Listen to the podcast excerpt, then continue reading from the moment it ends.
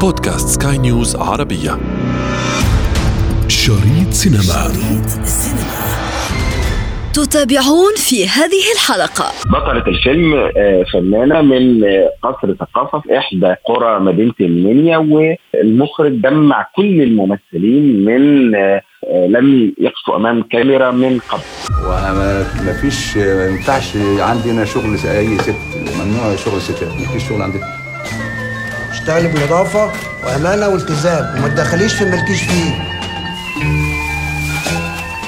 أنا بصراحة بستغرب الكلام ده يتقال من ناس دخلوا مدارس وجامعات خرجوا منها وبقى لهم صفحات على الفيسبوك سواء كانوا آه، ممثلين أو صحفيين أو غيره إن إزاي الناس دي عايشة معانا أصلا؟ بصراحة. شريط سينما. Lights, camera, action.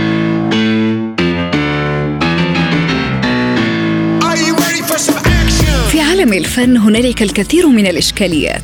أولها إشكالية الواقع والوجود مع الميتافيزيقا والفانتازيا. طرح صعب ومعادلة معقدة. ومثال ذلك الجدل الذي صنعه فيلم ريش في مهرجان الجونة السينمائي. أنا ابتسام العكريمي وهذه حلقة جديدة من بودكاست شريط سينما. طبعا للحديث حول جدل فيلم ريش. لا تفوتوا الأمر. سينما لما أعمل فلوس هجيب لكم فيلا كبيرة. فيها حمام سباحة. كبير. وترابيزه بلياردو كمان. تعرفوا أنتوا الاثنين يعني ترابيزة برياض ترابيزه بلياردو كبيرة كده ترابيزه كبيرة خضرة كده عليها كور كتير كده ومضرب. البداية من إشكالية وجودية رسمها منتقدي الفيلم. جدل طرح على عتبة مهرجان الجونة السينمائي وأساسه الفن والواقع. هل من وظيفة السينما اليوم أن تنقل لنا الواقع بحذافيره أم أنه لا بد لها من تجميله قبل أن يرى النور؟ معادلة فلسفية صعبة طرحها من انتقدوا الفيلم بحجة أنه أساء لمصر في مضمونه وفي قضاياه. فالفنان أشرف عبد الباقي نشر على حسابه الخاص هذا المقطع. فيلم ريش الناس منتقداه ومصورة إن الصورة دي مش موجودة في مصر. لا هي موجودة في مصر بس موجودة نظيفة. يعني الفقر مش مرتبط بإن ما يبقاش الواحد نظيف. دي كانت وجهة نظري أما الفنانة هالة صدقي فقد كان هذا تعليقها. المختلف في الفيلم ده إنه كل الممثلين اللي فيه أول مرة في حياتهم يمثلوا ما لهمش علاقة خالص بالتمثيل. الحوار قليل قوي قوي قوي والفيلم ده أخد جايزتين من مهرجان كان وأنا ما فيش ما ينفعش عندي أنا شغل أي ست ممنوع شغل ستات. ما فيش شغل عندي. اشتغلي بنظافة وأمانة والتزام وما تدخليش في مالكيش فيه. وبالعودة لفيلم ريش فإن الفيلم يسرد واقع فئة مهمشة اجتماعيا يصور مظاهر الفقر بتجلياته المختلفة على الصعيد المادي والأخلاقي أيضا. رجل يأخذ ابنه في عيد ميلاده لمشاهدة عرض لألعاب الخفة. يتطوع لأداء المشهد مع الساحر ويدخل صندوقا خشبيا ليخرج منه دجاجة. يحاول الساحر إرجاعه لطبيعته البشرية فيفشل في ذلك فيفر هاربا. أما الزوجة فتأخذ الدجاجة للعناية بها. أملا أن تتحول يوما ما إلى زوج لها. من مصر الناقد السينمائي مصطفى الكيلاني. تابعت الجدل حول فيلم ريش في الفيلم اولا فيلم تجربة مهمة وملهمة للمخرج الشاب عمر الزهيري اللي أتمنى إن هو ياخد فرص أكتر ويعمل أفلام أجمل وأحلى. كتير كتبت عن الفيلم مقال و على ما أظن يمكن واحد من أعلى الكتابات عن الفيلم اللي الناس متابعاها بشكل كويس كان ردود أفعال كتير عليها. فيلم في رايي هو تجربه عظيمة. المخرج بي بيحاول طول الوقت يقدم أفكار طازة وجديدة وفاتح المجال لخياله مش قافله خالص. مقدم مزيج ما بين الفانتازيا والكوميديا السوداء. ما بتتكلمش عن مصر أصلا ولا بتتكلم بتتكلم عن العالم وعن دي وجهه نظري الشخصية. يعني بتتكلم عن العالم وما وصل إليه العالم. من تردد في كل حاجة. لدرجة إن إحنا أصبحنا عايشين في خرابة كبيرة قوي بالمصطلح المصري. حتى هو مقدم مقدم كل حاجة. مقدم بيت الأسرة دي خرابة. مقدم العيادة الصحية العيادة البيطرية المصنع قسم الشرطة. لم يخرج من خراب إلا بيت منزل السيدة الثرية جدا اللي هي الألوان فيه مختلفة. الفيلم طول الوقت بيلعب على الألوان الرماديات اللون الأبيض ال- الوحيد فيه بعيدا عن منزل السيدة الغنية هو لون ال- الدخان التلوث دخان الاصفر ده اللون الأبيض الوحيد.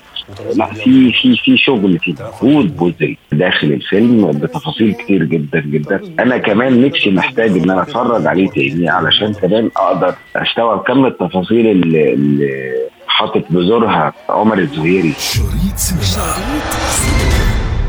فلوسي! أنا عايز فلوسي! أصل القصة يروي حجم الخراب الذي صنعه الإنسان على كوكب الأرض. من رفضوا مشاهدة هذا الفيلم أرجعوا ذلك إلى مظاهر التلوث والدمار التي أفسدت ملامح الفيلم. أما فنياً فكانت رؤية متفردة. لم تخلو من النفس الميتافيزيقي. هذا حسب مؤيدي الفيلم. من حق أي حد إنه ما يعجبوش الفيلم لكن مش من حق أي حد إنه يتهم فنان بإنه بيسيء لباس مصر أو يعني, يعني مش من حق أي حد إنه يعمل.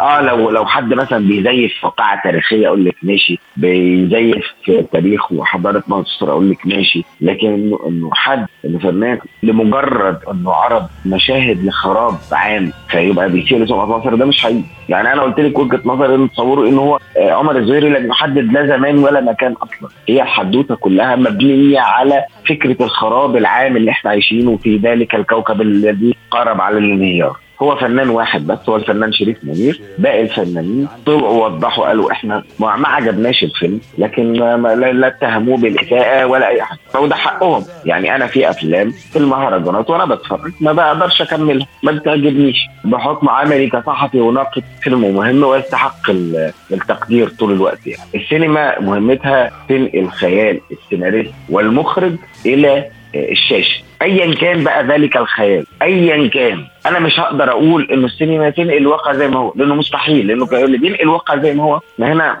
حد بيصور بكاميرا موبايل وبيتحرك. بس دي مش سينما. السينما فيها جزء من خيال السيناريست سواء سينما روائية آه، وثائقية تجريبية ايا كان. هي فيها جزء من خيال السيناريست من خيال المخرج من خيال من خيال باقي فريق العمل من من ديكور وموسيقى تصويرية. ومونتاج وغيره. هي في الآخر هي عمل جماعي. لخيالات مجموعة من. من ال- المبدعين بيضعها في إطار واضح من البداية هو كاتب السيناريو يضيف عليها من روحه هو ده الموضوع ده السينما في وجهة نظري إنما فكرة بقى إنه هي تجمل الواقع لا طبعا مفيش حاجة اسمها كده السينما هي في الآخر هي نقاش دائم ما بين المبدعين والمشاهدين حوالين رؤى ووجهات نظر وأفكار و... وواقع وخيال وتجريد وفانتازيا وأكشن. حتى في السينما ال commercial ده موجود. السينما التجارية ده موجود. آه موجود بدرجة أقل من السينما. ذات الطابع ال artistic أكتر فني أكتر. بس موجود موجود إبداع لأنه ما أقدرش حق الفنانين دول في إبداعهم. في وجهة نظري الشخصية في ذوقي أنا إن أنا بشوف إنه إنه أنا عندي أفلام بحبها أكتر. بس في ناس ثانية بحب الأكشن أكتر. في ناس بتحب الخيال العلمي أكتر. في ناس بتحب أفلام الأبطال الخارقين أكتر. طبيعي. لولا اختلاف الأذواق لبارت الساعة لكن فكرة إن إحنا نجمل الواقع لا طبعا مش موجودة ومش حقيقية. وده كلام ناس ملهاش أي علاقة بالفن أصلا. خالص. اللي يقول كده لا عمره شاف سينما ولا عمره اتفرج على فن. ولا عمره شاف افلامه اللي قبل كده مع مخرجين مهمين. بنتكلم بصراحة. اللي الشخص اللي بيقول كده ما شافش أفلامه هو نفسه اللي هو كان عاملها بنفسه مع مخرجين مهمين. ما شافش الكسكات ما شافش هستيريا ما شافش رومانتيكا. شريط سينما.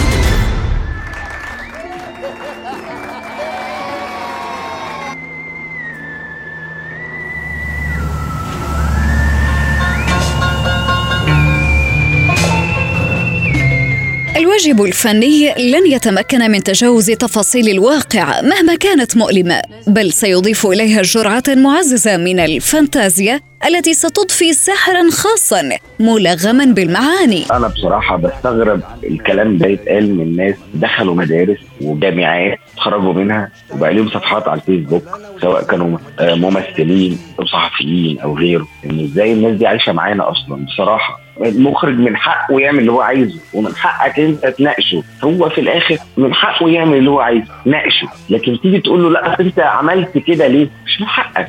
هو شيء دي وجهة نظره. هو بيوضح أفكاره وخياله الداخلي ثقافته وخبراته الفنية في إنه يقدم الشكل ده ومن حقه. أنت شايف إنه ده فني ولا غير فني؟ ده اللي نتناقش فيه. إنما تيجي تقول لي أنت ولا أنت هو أنت ليه عملت كده؟ لا مش من حق أي حد يناقش المخرج. يقول له ليه عمل كده؟ أنا ممكن أقول وجهة نظري في إنه ده الشكل الفانتازي ده ما كانش مظبوط.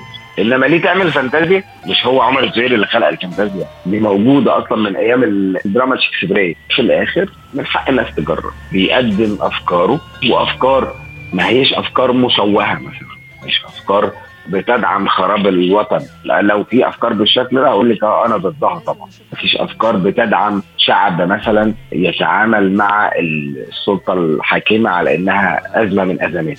بالعكس الفيلم أصلا بيقدم تجربة أم بتحاول تتعايش مع زوج أصبح فرخه بالنسبة لي أصبح دجاجة. بالله باللهجه المصريه وبتتعامل مع الحياة ومع اطماع الآخرين فيها ومع سلطة العمل ومع التلوث اللي عايشة فيه طول الوقت. وده الفكرة اللي, اللي, وضحت لك إن هو ما بيقصدش دولة بعينها ولا مكان بعينه بيقصد العالم كله. النفس البشرية المنهارة دائما المنكسرة دائما. امام ذوي السلطة وذوي أصحاب الأعمال وغيره. في الآخر العالم المنهار. الخرابة الكبيرة التي تسمى الكرة الأرضية الآن.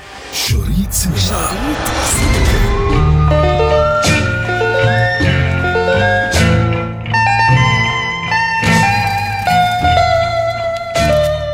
الجمالية الفنية هنا أن مخرج الفيلم قد اختار طاقما من الممثلين الذين وقفوا أمام الكاميرا للمرة الأولى فقط وذلك في فيلم ريش. كل الفيلم من إحدى بطلة الفيلم فنانة من قصر ثقافة في إحدى قرى مدينة المنيا والمخرج جمع كل الممثلين من لم يقفوا أمام كاميرا من قبل. كلهم ناس ما لهمش حتى علاقة بالتمثيل ولا أي حاجة. هو كان حابب يستخدم تلقائية الممثلين.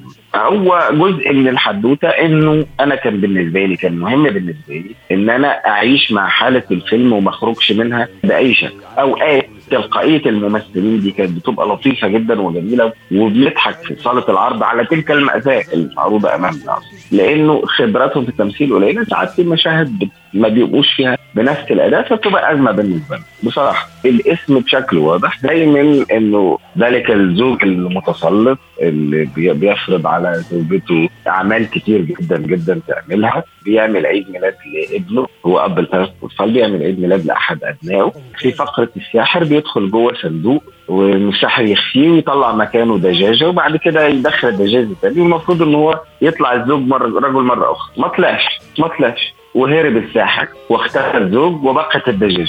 في الآخر هو ذلك الزوج المتسلط في لحظه أصبح هواء ومع ذلك الزوجة الصابرة اللي عايزة تعيش هي بأولادها وبتحاول تحميهم من الحياة. بتحتفظ بالدجاجة وبتعالجها ومش عارف إيه. أملا منها أن يعود الزوج. أن تنقلب تلك الدجاجة إلى زوج مرة أخرى. ينقلب السحر مرة أخرى. لعمل السحر اللي هي شايفه من السهرة شريط سينما. انتظرونا أفلام جديدة في شريط سينما. شريط سينما. شريط سينما.